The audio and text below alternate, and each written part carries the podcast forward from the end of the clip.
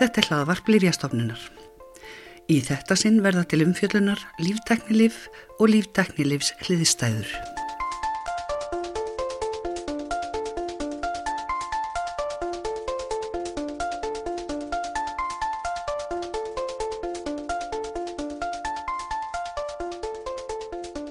Lífteknilif er sá flokkur livja sem er í hvað mestum vexti á síðari tímum og miklar vonir eru bundna við. Það er tölverð munur á lífteknilifjum og hinnum eldri hefðbundnu livjum. Þau síðarnemdu eru efnasmíðuð sem kallað er lífteknilifin framleitt með aðstóð lífvera.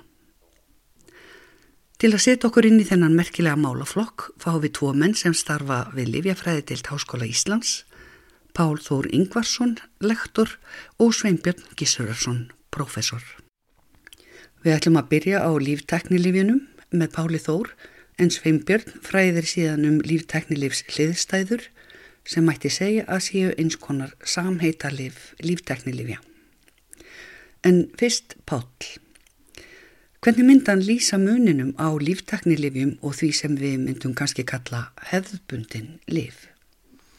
E, já, líftæknilefin eru, náttúrulega, þau eru í grunninn mun floknari heldur en þessi klassísku. E, allt við erum mun stærra, þetta er oft til dæmis prótein sem er í líkamannum okkar og hérna og þau eru samsetta úr mörgum mismöndi aminosýrum sem, sem að geta uh, formað sig á þann hátt að, að þessi prótein sinni sínu skildum og, og þessin eru þau, ef við berum bara saman til dæmis við paracetamol, panodil sem að líklega flestir þekkja e, og ef við notum það sem einhvern mælikvarða þá er það sem sagt 150 gram á móla meðan með við erum að vinna með lífteknilif þá erum við að tala um svona 150.000 pluss mínus eitthvað sko. Þannig að þetta er svona þúsund sinnum getur verið þúsund sinnum stærra sko. Þannig að þá náttúrulega bara eikst flækjustíð Uh, og auðvitað fáum við mikið af, af góðum áhrifum á móti en, en á hinn bóginn þá er þau all mun óstöðugri uh, erfiðar að framlega þau erfiðar að geima þau og, og erfiðar að gefa þau. En sko ef við tölum um þessi hefðbundnulíf sem er búið náttúrulega að að vinna í mjög langan tíma hvernig er farið að því? Er svona til samaburðar er, er þá einangrað eitthvað, eitthvað eitt efni bara á, á rannsóknastofu og síðan unni með það Já, þetta er uh, misjant bara eins og, og lifin eru mörg. Mörg lifi eiga upprönda sér nýnátturinni uh, lifi sem við höfum fengið frá til dæmis Planturíkinu, ég var nú reyndar að hlusta á hérna hlaðvarpið ykkur um ópíóiða og það er nú klassistæmi um, um liv sem hefur komið úr náttúrunni. Og annarkvart er þá hægt einmitt að einangra úr, úr plöntum eða öðrum lífurum og, og svo e, efnasmíða hluta til til þess að breyta. E eða það er líka hægt að bara efnasmíða frá grunni uh, reyn liv en þegar við færum okkur yfir í líftæknilefin þá er það er, er það allt og floknar efnasmíðar til þess að geta útbúið bara beint á rannsóknastofu já, já, já, nákvæmlega hvernig er þetta þá unni og hvaðan hvaða kemur efnið í þessi líftæknilef? Já, þetta er sko, ef við hugsim um líftæknilef að þá kannski klassíska skilgjörningin er svo að, að ef við fáum einhverja lífveru til að framleiða fyrir okkur að þá sé það líftækni leif um, en það kannski eh, innifilur í sér meira en það sem við myndum tala um sem klassísk uh, líftækni leif þau eru náttúrulega mjög stór og flókin oft prótein. Og ef við skoðum þau líftæknileg sem við erum að skoða eða sem eru svona þau stæstu á markanum í dag þá er þetta yfirleitt eh, þá erum við að vinna með erðabreitar örverur eða erfa, erðabreitar lífverur. Og þá erum við sem sagt búin að fá ákveðna lífverur til þess að framkvæma hluti sem að þær hafa ekki verið hannaðar fyrir í upphafi eða hafa ekki þróast til þess að gera. Og Þannig að þau líftekni liv sem við erum með á marka í dag eru þá yfirleitt framleitt í uh, örfurum, uh, bakteríum, það er E. coli bakteríu mikið notuð, getur verið í sveppum, uh, sveppa sagt, gróum eða spendýrafrumum það er mikið notað sem sagt, sérstaklega fyrir flóknari uh, próteinin, þá eru notað spendýrafrumur, annarkvort sem sagt mannafrumur eða hamstrafrumur eru mikið notaðar. Uh, en svo getur við líka jafnvel verið að, að skoða sko að framlega þetta bara í dýrum og plöndum og sko einhverjar lífverur sem að framleiða eftir ákveðinu forskrift sem að er óskað eftir en hvaðan fær svo lífvera sem að sem sagt, á að framleiða tiltekið efni, hvaðan fær hún ráefnið? Já, þá uh, kemur náttúrulega erðabreitingin inn, það er uh, búið að þá einangra þau gen sem að tjá þau prótein sem að, sem sagt, að tjá líftækni lifið. Uh, þannig að hún fær uppskriftina þaðan. Og svo þurfum við bara að tryggja það að, að meðan við erum að rekta hvort sem það eru bakteríur eða, eða spendýrafrumur að þau fái þá bara alla þá næringu sem þarf uh, líkt og við þurfum alla þá næringu sem við krefjumst til að útbúa okkar prótein og, og slíkt sko. Fær þá kannski, ef við tölum um örfuru, annarkort, já, bakteríu til dæmis, þá myndi hún kannski bara fá þá næringu sem að undir vennilegum kringustæðum óbreytt hún hefði fengið en hún er með, bara með aðra uppskrifti, eða hvað? Já, ég held að þessi nokkuð bara mjög gott og svo reynda náttúrulega í framleiðslu ferli að þá er tryggt að hún sé að fá það rétta það er hérna, ef hún væri bara í einhver staðar í umhverfunu þá myndi hún kannski ekki lifa jafn svona juicy lífi og hún gerir í, í, í ræktuninni en hérna, það er þó til þess að tryggja að hún hafi allt sem að þarf til þess að framleiða þess mikið af þessu líftekni lifi og, og hugsa skittur Og þú ert þá að tala um, um virkaefni þegar þú ert að tala um að við komum til lífvera framlega eftir uppskrift. Þá verður að tala um virkaefni lífsins. Já, það er nákvæmlega. Það er þá virkaefni, það er sem sagt í mörgum tilfelli með mitt prótein. Eh, þá erum við að tala um sem sagt eh, að örverurnar eh, eða, eða frumurnar tjái þau prótein sem myndar þá virkaefnið í lifinu. Hvernig er svo þetta virka efni sem að, að, að við komum til lífið að búin að framleiða? Hvernig er það tekið og, og unnið með það áfram? Já, það fer rosalega eftir flækjustíhi prótensins eh, eh, og eftir því hvaða, hvaða lífveru við erum að vinna með. Til dæmis eh, bakteríur eins og E. coli að þær myndu að öllum líkindum sapna prótirinu fyrir sapna prótirinu upp innra með sér.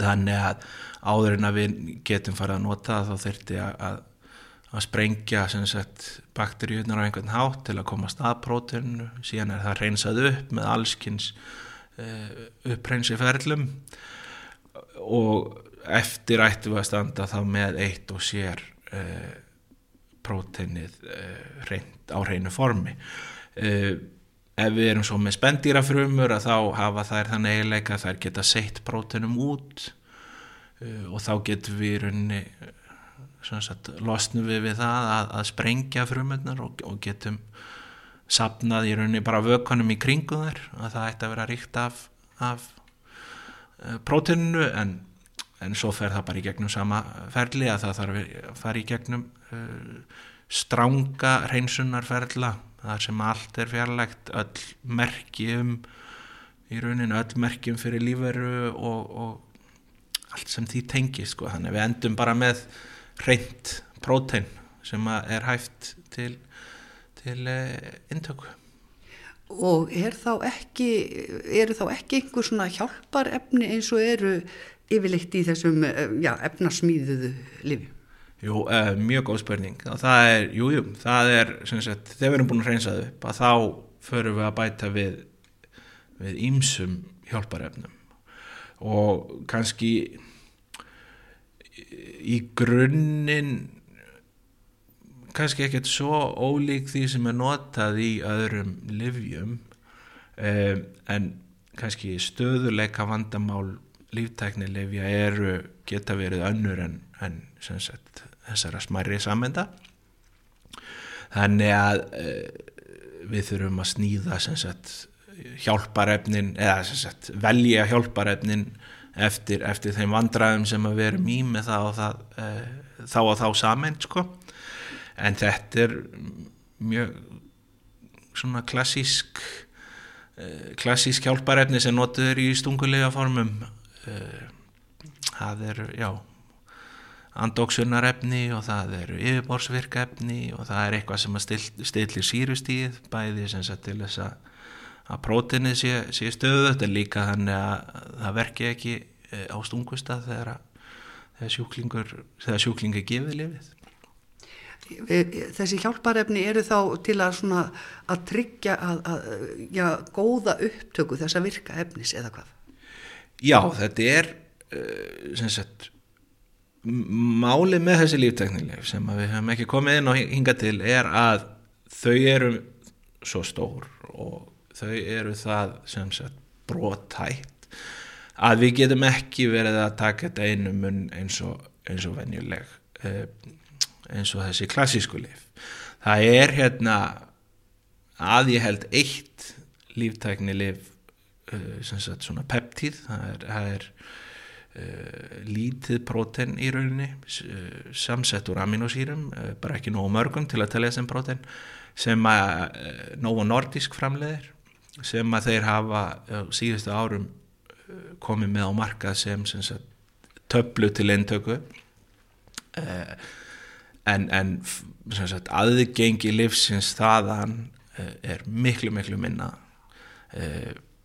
Og það er í raunin hérna þannig að við getum ekki búist við að verði mörg líftækni lif sem hægt verði að taka um munn.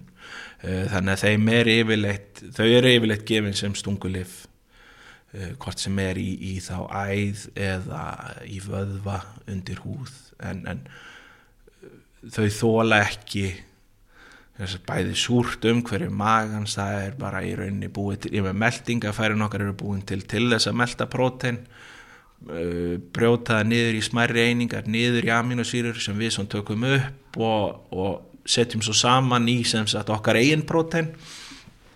Þannig að ef við tökum líftækni liv og, og tökum með munna þá myndir það líklega fara stórum hluta sem við leið og, og annað prótein sem við innbyrðum.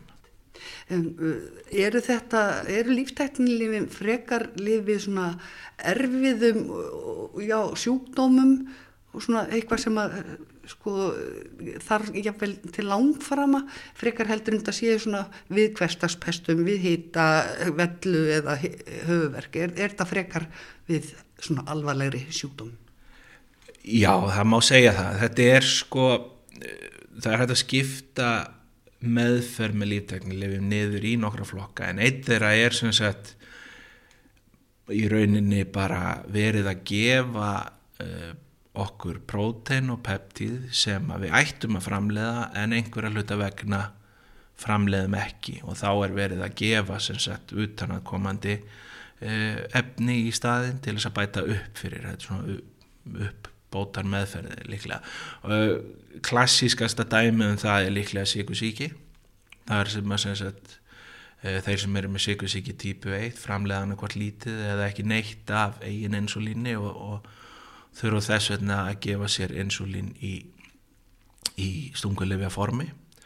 Uh, og þá erum við að tala um meðferð sem að uh, tekur náttúrulega engan endi. Það er bara uh, hérna, um, um aldur og æfi en síðan getur þetta líka verið lif sem eru notuð í skemmri tíma en eru þá einmitt notuð við svona svæsnari sjúkdómum. Mikið af þessu eru liv sem að einhvern veginn virka á sem sagt ónæmiskerfið okkar þetta er, geta verið hérna ónæmisbælandi liv um, krabbaminsliv þetta er mikið nota núna í krabbaminsliv meðferðum og mikið verið að rannsaka. Af því að þau hérna hluta til af því að þau eru náttúrulega svo stór, þau eru svo gallin við smái saminnitindinar er að þær geta bundist við erum kannski með segja, skotmark í líkamannum sem við viljum hafa að að lifið bynst við. E, litlu saminirnar eiga það til að, að hérna, bindast ekki bara við okkar skotmark heldur fleiri í leiðinni og þannig fáum við aukaverkanir og, og jafnvel eiturverkanir. En e, með því að gefa svona líftæknilif þá ætti þau að vera orðin það sértæk að, að allavega margar af verstu aukaverkunum hætti að draga úr þeim Þannig að það er uh, kannski minna um aukaverkanir af lífteknilifjum heldur en af þessum hefðbundnu eh, efnarsmíðu. Já, það ætti að vera það allavega.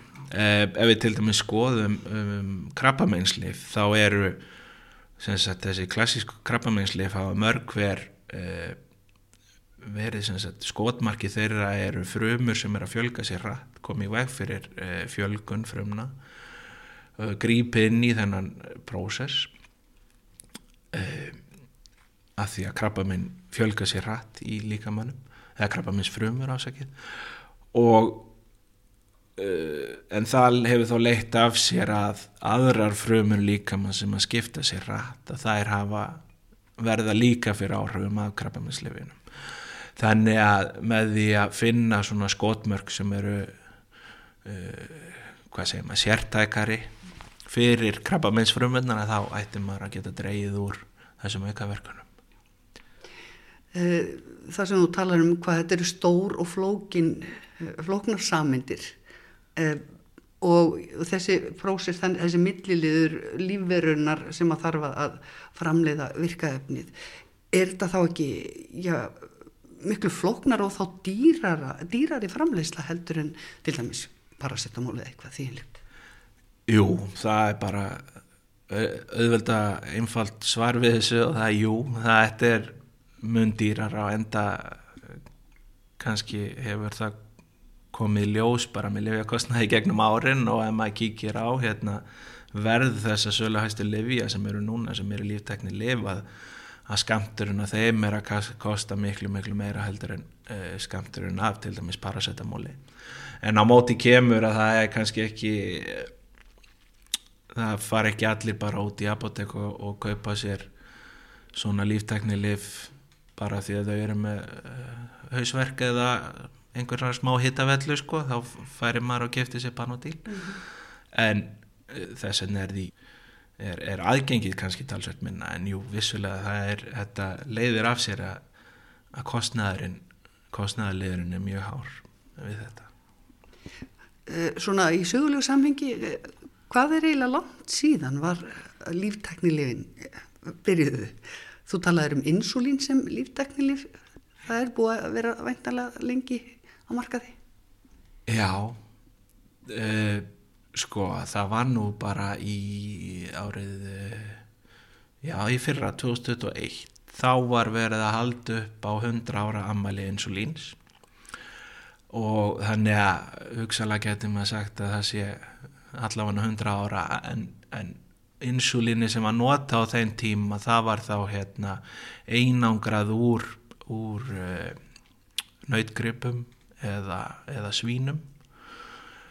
Uh, en síðan lang kannu maður segja að hafi verið á nýjunda áratug síðustu aldar sem að voru samþygt sem sagt uh, svona hefur við ætlum að flækja þetta örlítið meira að til dæmis insulín sem að bæði nautgripir og svín framlega er ekki nákvæmlega eins og insulínu sem að við framlegum þannig að það væri raun, það gæti verið mikil áhætt að að nota svoleiðis eh, insulín af því að ef að líka minn okkar sér það allt í unnu sem eitthvað framandi getur ráðist á það.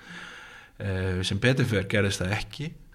En eh, að var svo á nýjunda áratug síðustu aldar sem að var samþygt svona reynrækta líftækni lif þar sem að voru fengnar fengnar lífverur með, með, með hérna erðabreitingum fengnar til þess að framleiða manna insulín sem er þá nákvæmlega samsett okkar þannig að þetta er búið að þessi lif hafa verið til í, í já, hundra ár En það er alltaf að, vaksa þessi þetta umfang og, og, og framlegsla og rannsóknir á lífteknilífi? Já, það alveg klárlega og, og það stækkar og stækkar og einn er svo flokkur kannski líftekni lifja sem að vex hvað hraðast en það eru þessi einstofna mótöfni sem að eru þá byggðu upp í rauninni þetta er mjög sniðugt af því að við erum bara að nota okkar eigið við erum að nota okkar eigin þróun sagt, það er ónæmiskerfið okkar eh, framleiðir mótefni þegar að það hittir á einhvern hérna, síkil eða, eða eitthvað sem líka minn til er óaskilegt þá þróar hann mótefni gegn og þannig fáum við minni gegn hérna hennum ymsu sjúkdómum og nú er þá verið að notfæri sér það að svona mótefni eru mjög sérhæfð. Þau eru með bindistað á sér sem að binda þá í rauninni bara eina tegund af samind og þá erum við að nota hennar struktúr mótefnisins sem við höfum þróað með okkur til þess að hérna, breyta bindistæðnum og að láta hann sagt, að ráðast á eitthvað ákveðið skotmark. Sem sagt, einstofna mótefni, sáflokkur lífteknilifja sem vex hvað ráðast, liv sem byggja á hugmynd úr starfsemi líkamann sjálfs. Eins og Páll sagði, framleiði líka minn mótefni Þetta eru prótinsamindir þegar inn í hann berast síklar eða eitthvað gerir vart við sig sem líka minn tilur óæskilegt. Allar mótefnasamindir hafa sömu grunnbyggingu en eru ekki samt að öllu leiti eins. Því hverri tegund þeirra er ætlað að beinast að tilteknum mótefnavaka og þeir geta verið fleiri en einn á hverjum óbóðnum gesti. Mótefnasamyndir eru því að hluta til sérsniðnar. Einstofna mótefni eru próteinsamyndir framleitar á rannsóknastofum með aðferðunum sem að Pál lísti á þann. Hvert mótefni er byggt upp til að bindast tilteknum viðtaka. Þetta smetlu saman eins og bitar í púsli. Allt eftir því hver aðferðin við að ráða niður lögum hins óæskilega á að vera. Til dæmis gæti einstofna mótefni verið ætlað að bindast sameint á yfirborðið krabbaminsfrumu, sameint sem er henni nöðsynlegt til vakstar. Og þegar svo sameint hefur verið skorðuð af, stöðvast vöxturinn. Einstofna mótefni gæti líka átt að tengjast óvinnveittri sameint og verða að eins konar viðörunamerki sem sendir ónæmiskerfinu bóð um að grýpa strax til aðgerða. Önnur einstofna mótefni flytja skadleg efni inn í krabbameinsfrumur sem þá vestlast upp. Svo einhver dæmi séu nefnd um einstofna mótefni.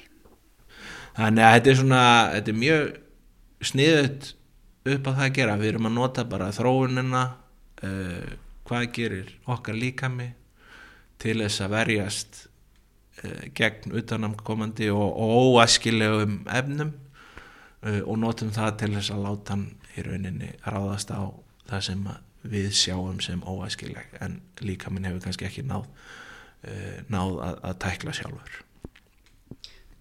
Þetta er, er óendarlega flókið en ótrúlega spennandi að, að sagt, það sé verið að virka þetta nákvæmlega sem að uh, já meðal annars sem að líka minn gerir sjálfur en sér sníðaða í rauninni Já, nákvæmlega og þetta er þá hérna þetta er það sem ég finnst svo sniðut að, að nota eitthvað sem að finnst í okkur sjálfum til þess að svo, svona e, klæðskera sníða að sjúkdómum sem að okkar líka með hefur ekki náða að ráða við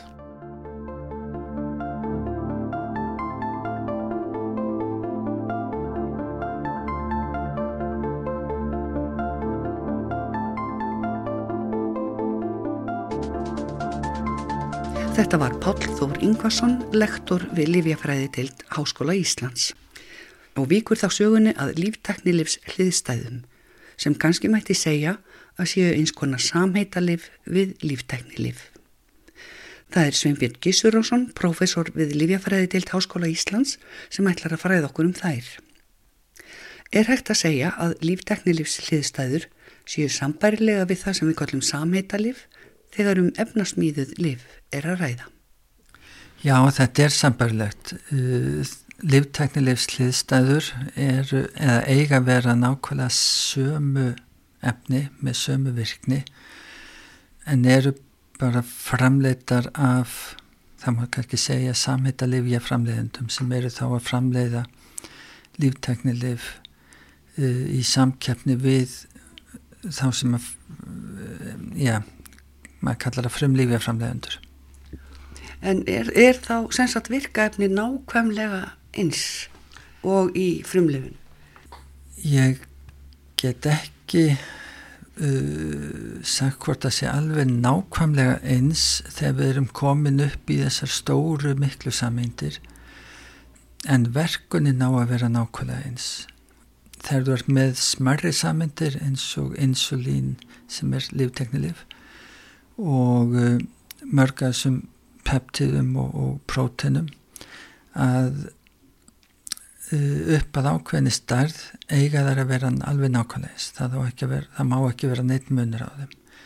Þegar þú komið með þessi gríðarlega stóru flóknu prótein eins og mótefni og þess aftar þá geta verið einhverjir smámunir uh, á, á milli. Svo lengi sem að verkunin uh, er nákvæmlega svo sama en uh, er búið að, að, að finna einhverja formúl fyrir því hversu miklu má skeika þannig að uh, efnið virki ekki eins og því var ætlað að virka er, er til einhver svona útrekningur á því?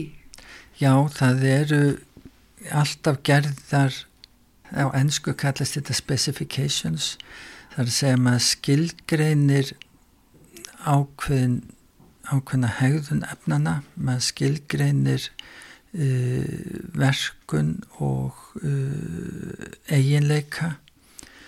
Og það má bara vera innan ákveðins ramma. Uh, og allt það sem ekki fellur undir þennar ramma hvort sem það er framlistu lota sem er þá kannski aðeins öðruvísi þannig að hún næri ekki að uppfylla akkurat þennar ramma þá uppfyllir það bara ekki. Þær, þær kröfu sem eru kerða til efnisins. Og líftekni e, samhittalifin að þau þurfa að uppfylla nákvæmlega sömu kröfur og frumlifin Getur þetta þá verið munur á milli framleiðslu lotna?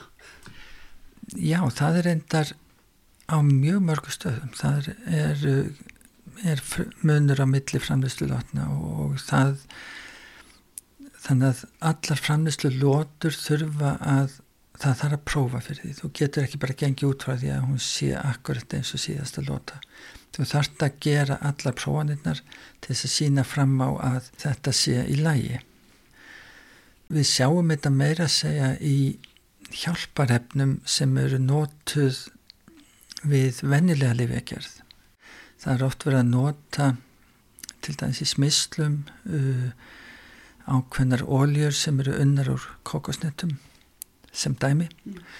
og við sjáum að það getur verið munur frá fram, einni framlýslu lótu til annarar eftir því hvaðan kokosnettina koma, hvort að koma frá Afríku eða Suður-Amríku eða uh, og, og, og síðan milli ára eftir hvaða mikið rigningi eða sól á, á svæðinu að það að hlutföllin af einstökum efnum í þessari uh, blöndu uh,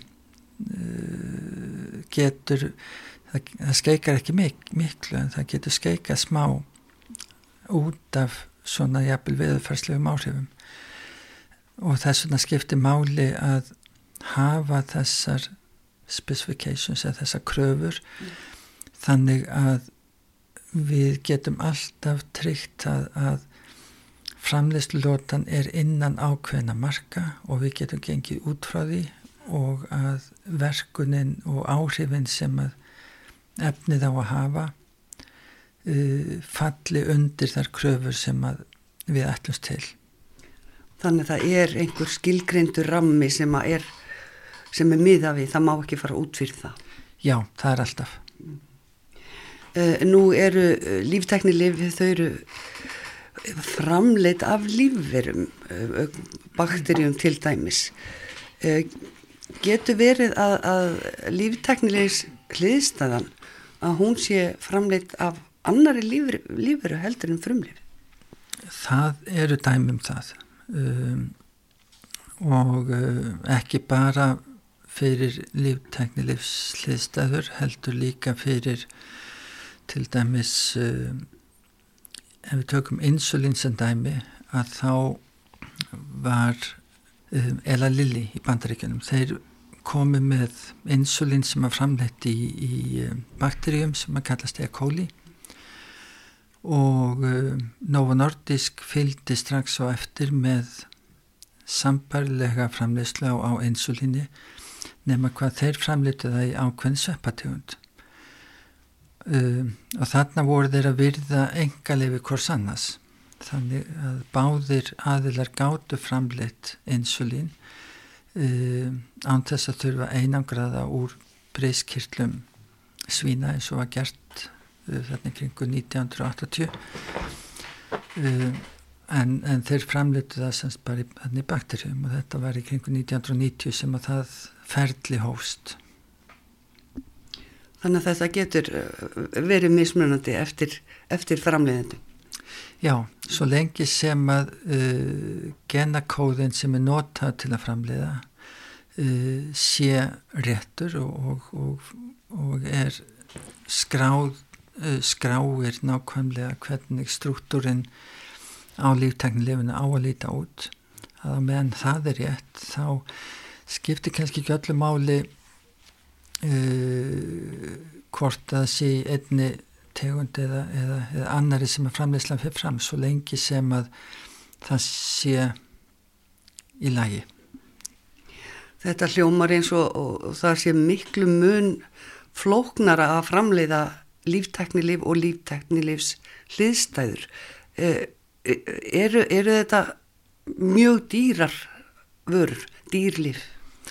Já, þetta eru miklu dýrari lif heldur en mörgunnur uh, að því að þetta er uh, framleiti lífurum uh, aðbúnaður í kringu framleisluna þarf að vera undir miklu strángara eftirliti heldur en önnur efnaframleysla efnasmýð þannig að það endur speiklar náttúrulega kostnaði líka.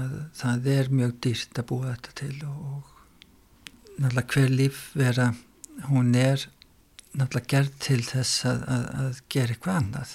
Og svo er þetta að setja inn í hana erðafræðu upplýsingar til þess að hún fara að búa til eitthvað sem hún hefur ekkert að gera við. Og hún er ekkert tilbúin til þess þannig að þá þarf þetta að búa til umhverfi sem að þvingar hana til þess að búa til þessa, þetta auka efni þannig að aðstæðunar þú þarf að búa til aðstæður til þess að fá bakteríuna eða sveppin eða lífurina til þess að framleiða eitthvað sem að hún hefur ekkert að gera með. Og hvers konar breytinga gæti það verið? Annað hýtastík heldur en eða hvað gæti það verið? Hýtastík, það spilar alltaf inn í. Það geta verið önnur efni í, í næringavökunum sem að lífurinn eru í þannig að þú þartir önnur að búa til þannig aðstæður að þetta skipt ekki máli fyrir lífurinn að framlega þetta. Ef að hún þarf sem svo að þú farir út fyrir þægindaramman á hitastíðinu þá fer lifirann í það að, að, að afsakið survival mode fyrir ekki út, útleskuna hún, hún, þá þarf hún að fara að hugsa um það að, að tryggja uh, það að hún, hún lifil aðstæðunar af. Og þá slekkur hún á öllu því sem að hún þarf ekki að framleiða.